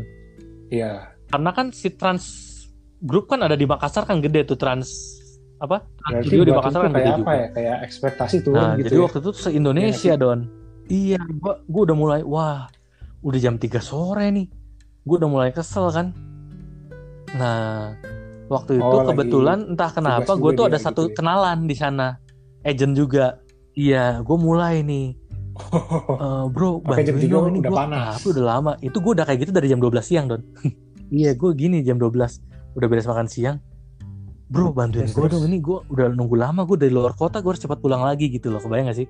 Ya kasarnya kayak jalan belakang gitu. Ayo dong bantuin gue gimana caranya supaya dapat unit duluan. Kebayang gak sih?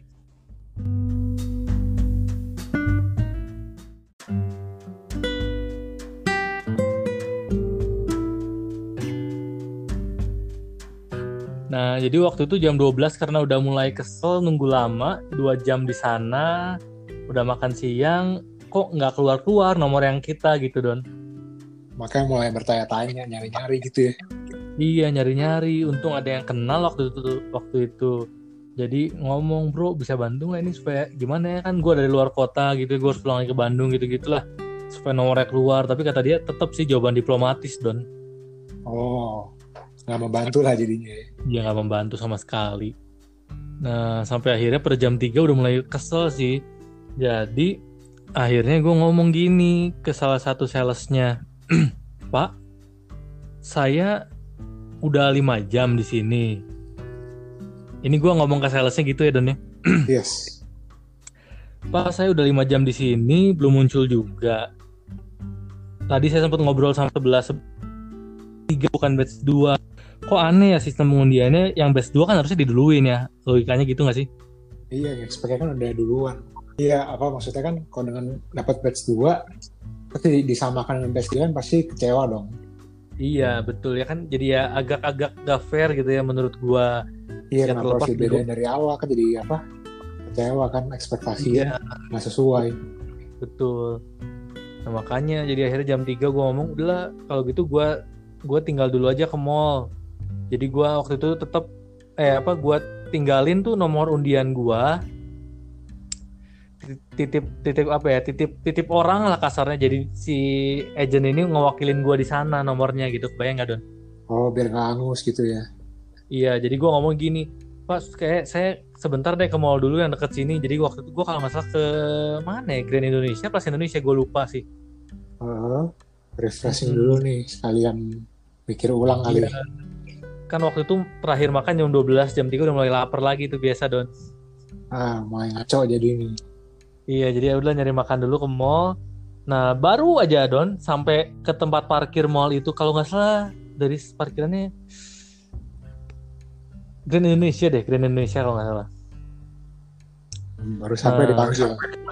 baru sampai di parkir don tiba-tiba ada eh, calling dong beneran nomor kita muncul Akhirnya muncul. muncul jadi gini malah dia udah si agent ini udah di itu don udah di section yang 10 orang itu loh. Yang milih Oh, unit. udah udah duduk malah nih. udah si orang ini si agent ini udah udah duduk. Karena kan begitu dipanggil harus maju kan kalau nggak udah udah ganti ganti nomor lagi kan. Iya bener. gile makanya begitu itu si orang ngomong ini ini kok waktu itu gue juga sebelum sebelum gue pergi tinggalin nomor gue udah milih unit yang gue mau juga don Oh, jadi udah udah pesan dulu nih kalau sampai dipanggil. jadi kalau sampai dipanggil unit yang ini ya pak gitu Oke. Nah, cuman si bapaknya ngomong gini, aduh kok ini saya kenapa ya ada feeling kalau unit ini udah udah mulai keambil karena si orang ini pun nggak bisa lihat database. Yang bisa lihat database update real time udah keambil berapa aja tuh cuma 10 orang di finance itu di finance itu. Oh, ya yang di mejanya itu kan berarti. Iya, betul. Nah, jadi si bapaknya ngomong, "Bapak kalau bisa eh Koko kalau bisa kasih dua opsi lagi selain dua selain unit ini." Kebayang nggak, Don? Oke, berarti apa? Masih nambah lagi dong. Betul. Jadi gua kasih tiga pilihan unit tuh Don waktu gua tinggalin. Hmm, masih keker lagi nih berarti. Iya, nah begitu nomor dipanggil, si agent yang gua titipin itu udah di tempat duduk 10 orang itu, dia ngomong, aduh kok sorry banget, senang katanya tiga opsi yang koko mau udah habis semua, gila kan? Waduh. Wah, di situ mulai tuh. Aduh, gua kata gue tuh, aduh pak kan saya beneran pengen yang nomor satu, lalu bapak kasih saya harus pilih dua dan tiga, saya udah nurutin, masa sekarang dari tiga saya bis, beneran nggak bisa dapat tiga tiganya, saya bet dua loh pak, bukan bet tiga, gue ngomong gitu kan Don. Iya. Poinnya di situ sih. Iya kan? Saya dari luar kota bela-belain sini, oke, saya turutin semua. Masa kayak gini sih kan? Oh iya, iya, pokoknya dia minta maaf, minta maaf ya. Akhirnya, aduh pak, kalau gitu bentar deh saya tutup teleponnya, saya pikir dulu, ya Don. Iya. Akhirnya gue matiin, tuh di basement. Eh, gue berdoa tuh Don saat itu beneran gue berdoa. Ini udah apa ya? Eh, langkah terakhir nih udah nih. Iya, gue beneran minta minta tolong deh. Ini decision apa yang should I make gitu ya this time gitu ya. Ya, Akhirnya gue berdoa lama, lama, lama. Entah kenapa saat gue berdoa tuh, entah kenapa di pikiran gue ego ego terus yang dominan don kebayang gak sih? Oh, berarti kayak disadarkan dalam doa lu gitu ya. Iya, ken- entah kenapa doa gue tuh, ayo dong, eh kenapa ya?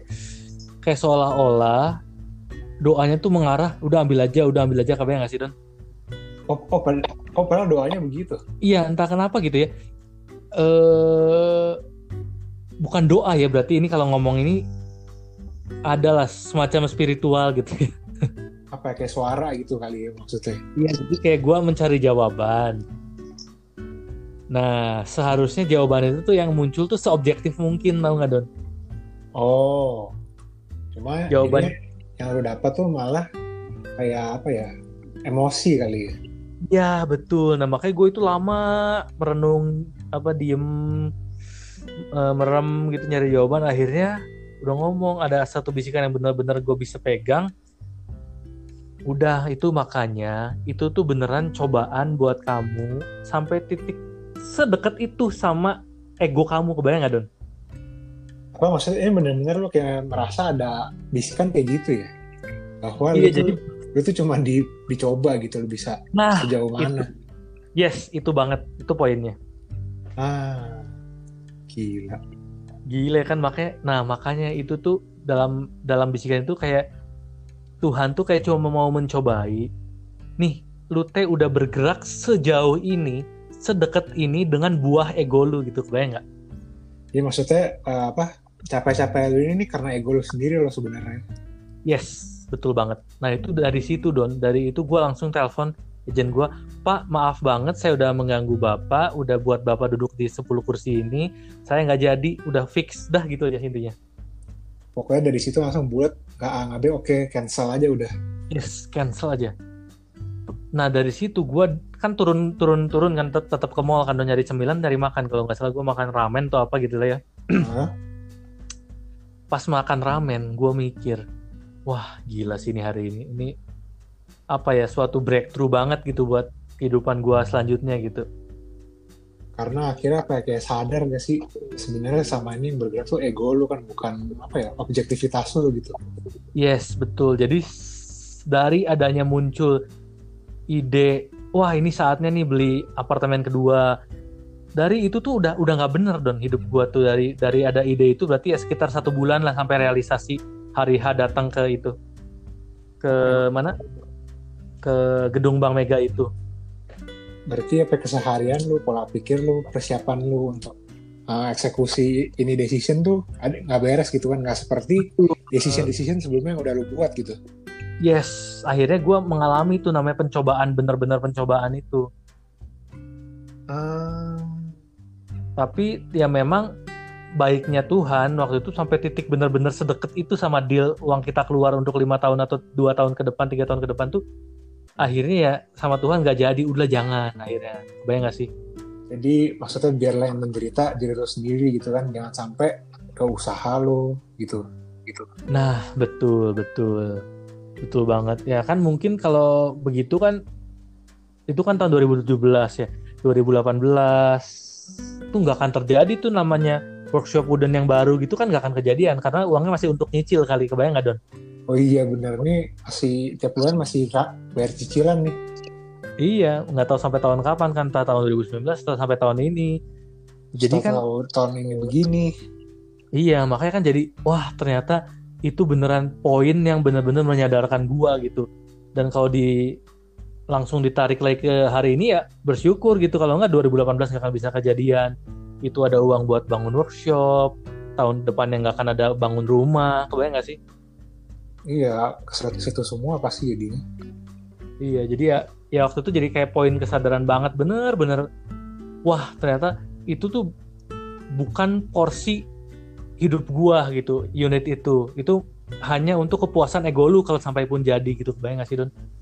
Eh, artinya gimana ya? Biasa kan kita selalu selalu menyalahkan keadaan luar kan saat kita kesulitan. Kayak kenapa Hmm, sih ini iya. su- sulit banget, susah banget? Kenapa? Kayaknya sial banget gitu ya? Iya Padahal iya kalau ditelusurin lagi, direfleksi lagi, diri kita sendiri menciptakan semuanya gak sih? yes betul Kayak betul banget. kan ternyata ego lu sendiri yang nuntun bukan siapa-siapa. yes betul betul. Di case yang di case yang ini betul banget begitu Don. Ah, ya jadi akhirnya ini mungkin cerita yang lu lu lu nggak tahu juga. Ya diri gua pun pernah di dicobai seperti itu Don. Hmm, gitu jadi ya entah kenapa waktu itu hari itu kesia seolah-olah kesialan kan udah datang on time batchnya batch 2 kok sampai jam 3 dicobain terus dicobain cobain kok sial terus nggak muncul muncul kebayang gak sih Don iya iya iya sih udah jauh-jauh, capek-capek, lama. Iya, buang, buang bensin, buang waktu. Terus Toto best 2 best 3 dicampur lagi. Iya, seolah-olah semua kesialan terjadi gitu waktu itu. Tapi ternyata kesialan itu ngelit ke suatu yang masa depan yang lebih lebih proper gitu ya, seenggaknya lebih bijak gitu. Soalnya apa ya? Karena lu sadar kalau itu tuh bukan kesialan karena pihak-pihak luar, tapi ya diri lu sendiri lu menyebabkan semuanya. Iya, betul betul. Ya akhirnya untungnya gue sadar gitu ya. Itu mungkin salah satu buah dari pengenalan diri juga sih.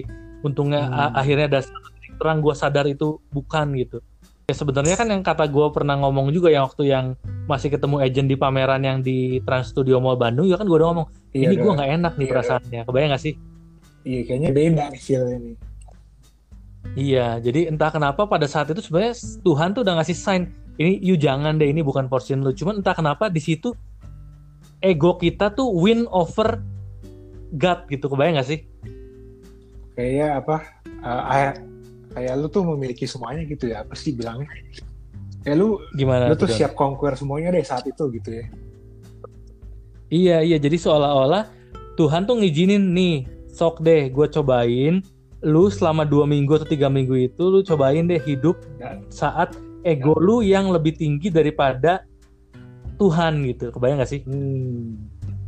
karena case sama ini kan lu udah terbiasa apa berserah kepada Tuhan gitu ya ya betul. Jadi saat ada jadi ya, ego yang bermain tuh hmm. udah berasa bisa merasakan menyadari gitu. Yes betul betul banget.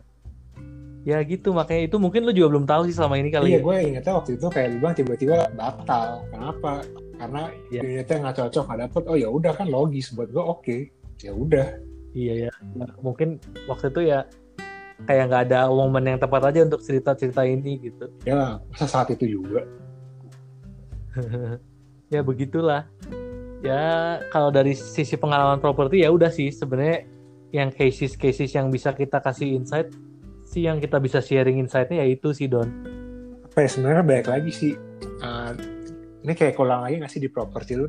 Kalau uh, dalam membuat keputusan tuh nggak bisa bener-bener apa ya uh, jumawa mengandalkan diri sendiri gitu oh iya itu sih bener banget apa kayak pede banget bisa banget kayak kayak lu kan researchnya udah jauh kan kayak dari nyari rumah iya. apa sampai belajar beli sawah research market iya, iya. Bandung terus udah ada pengalaman eksekusi lagi berarti kan kayak mikirnya iya. gue kurang apa lagi sih buat eksekusi kedua gitu kan iya iya makanya makanya sih sebenarnya entah kenapa ya dari situ juga gue selalu belajar kita tuh nggak boleh overconfidence. Ah iya iya. Eh, overconfidence masuknya iya benar-benar yes, kita tuh nggak boleh ngerasa we have everything we have power inside us we overconfident tuh nggak boleh banget. Dari situ beneran gue di situ bener-bener kayak turning point setelah ini gue nggak boleh gini lagi udah gitu ya gitu itu ya yang nggak pernah gue ungkapin sebenarnya. Semuanya itu poin penting gue sih sebenarnya ini dalam banget sih soalnya siapa siapa yang kira beli properti aja kok kayak seribet itu gitu ya iya, iya. ini bahkan masalah iya. pribadinya ada lagi saya internal internal iya. ya mungkin nanti buat yang ngedengerin juga apa ya terlepas dari harus banyak research ya harus ngenalin diri juga sih ini ini ini instrumen investasi either itu properti either itu yang lain ya kita harus benar-benar make sure ini porsi kita atau bukan atau ini jalan kita atau bukan gitu. Oh oh ya artinya kan karena lu udah nyampe kan ke fase itu udah ngalamin pahit-pahitnya gimana berarti next nextnya kayak lu jadi lebih wise dong dalam ngambil keputusannya. Oh iya itu banget sih banget don. Berarti kan kayak apa itu. sesudahnya lu masuk mm -hmm investasi saham pun juga ya murni karena lu udah paham banget itu memang porsi diri lu kan bukan karena ikut ikutan ikut tren oh iya enggak. Gue tipikal dari beli saham awal pun gue nggak pernah orang ngomong apa gue beli itu sebenarnya hampir nggak pernah sih don. Ya sebenarnya yang benar paling gitu sih memang juga. Iya gue dari awal juga udah pernah ngomong ke lu juga sebenarnya. Kayaknya gue better nggak ikut satu grup saham apa pun gue nggak bet gue better nggak ikut telegram apa pun gitu. Dari awal udah nge-state gitu kan kalau gue inget sih kayak dari awal tuh kayak jawaban dengan jawaban bener gue udah yakin ini orang bakal langsung bener nih tradingnya nih atau ya terlepas gimana. Ya terlepas Iya, iya, iya. rugi-rugi tapi seenggaknya apa dia karena langsung berdasarkan pengenalan dirinya gitu loh. Ya itu sih poinnya. Jadi gue beneran gak mau kata orang even kata analis pun ya ya terserah gitu. Itu kan setiap orang punya porsinya ya. Porsi gue ya begini gitu tanpa pengaruh orang lain gitu. Maksudnya baik lagi kayak kayak waktu beli apartemen aja gitu kan. Cuma ini dirubah beli saham. Ya betul betul ya itu sih sebenarnya eh, apa ya suatu titik titik temunya mindset gue yang sekarang tentang investasi itu di situ juga don. Hmm, baik lagi apa ya ya semakin kenal dengan diri sendiri.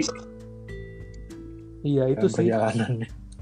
Ya, makanya finansial tuh apa ya financial things tuh bener-bener ngedevelop kita lah kalau kita sadar.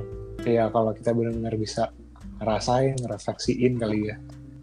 Berarti itu kayak apa ya? Perjalanan properti lo mulai dari nggak tahu apa-apa terus mulai coba tanya-tanya sampai udah sukses.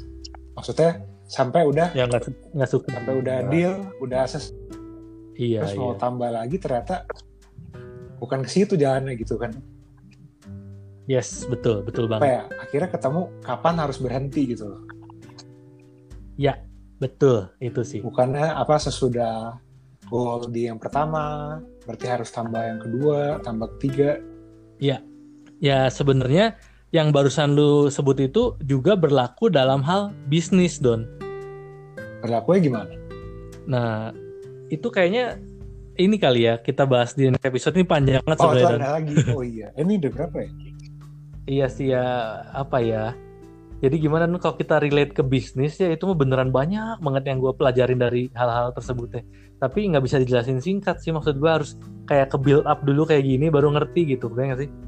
Ya jadi sebenarnya gini sih eh mindset menurut gue sih mindset yang seperti ini di dunia finansial, di dunia properti, di dunia investasi itu relate juga akan apa ya buat gue pribadi tuh jadi pelajaran juga ke kehidupan-kehidupan yang lainnya bahwa masing-masing tuh ada porsinya masing-masing entah itu kita dalam bisnis entah itu kita dalam greedy untuk ekspansi bisnis untuk bikin bisnis baru untuk apa ya kan banyak orang di luar sana tuh ayo dong kalau entrepreneur tuh kita harus terus berkembang berkembang berkembang berkembang. Kita harus improve dari titik sebelumnya ke titik yang baru gitu kan don biasanya orang-orang. Iya bener growth aja pikirannya. Betul. Nah, entah kenapa semenjak 2007 itu tuh gue realize something new gitu. Kita hidup tuh bukan harus seperti kebanyakan orang juga gitu. Kalau kita mengenali diri benar-benar, entah kenapa ada poin kecukupan itu tuh hadir gitu. kecukupan tuh berarti apa ya tidak ada eh, keinginan untuk Lebih untuk lebih oh iya karena again masing-masing kita tuh punya porsi sendiri-sendiri gitu yang udah Tuhan set buat kita gitu berkaca dari kejadian apartemen kedua yang gagal ini kan. Oh iya sih berarti artinya kan kayak eh, apa untuk lu mulai apartemen kedua lagi tuh bukan bagian lu gitu Yes, betul, betul banget. Ya itu sih, jadi kayak banyak sih relate-relate ke apa ya, another part of our life itu banyak. Mungkin akan kita bahas di episode selanjutnya kali ya, udah durasi ya, udah lama ya nih Don. ya sih iya. Ya udah paling gitu sih dari gua Don. Ada tambahan gak dari lu kira-kira? nggak ada sih gue masih tenang sih bingung. Ya bisa bisa gitu loh beli properti aja sampai sedalam itu gitu. Ya karena gue juga belum ngalamin sih tapi kan ini jadi ya satu ini baru lah. Gue jadi lihat satu cerita Iya. baru. Ya mungkin supaya mungkin buat sebagian orang bisa jadi pembelajaran juga kalau ya kan properti kan gak murah juga ya. Jadi ya seenggaknya poin pentingnya kan kita harus research dulu sebanyak-banyaknya. Ya ber- masih ngomongin researchnya doanya pengenalan dirinya gitu kan Iya, jadi ya jangan sampai uang yang udah segitu banyak kita keluarin jangan sampai jadi nggak sesuai gitu sama yang apa kita bayangin harapin gitu. I see oke berarti cerita properti lu nyampe sini nih ya Iya sih, udah sampai situ yang bisa dibahas sih. Soalnya sih ya wajar-wajar aja sih. wajar-wajar aja bangun rumah gitu ya Oh iya ya itu ya different stories oke lah. episode nah, baru lagi nanti Ya kita nggak tahu lah mikirin ke depan lah episode selanjutnya gimana ya Don. Oke deh, kalau gitu di sini dulu ya kali ya sebelum ntar tambah lebar Siap. lagi. Siap, thank you banyak loh Don. Oke, okay, thank you kan Samuel. Thank you buat yang udah dengerin. Yeah. Uh, see you yeah, next episode. Bye bye. Bye bye.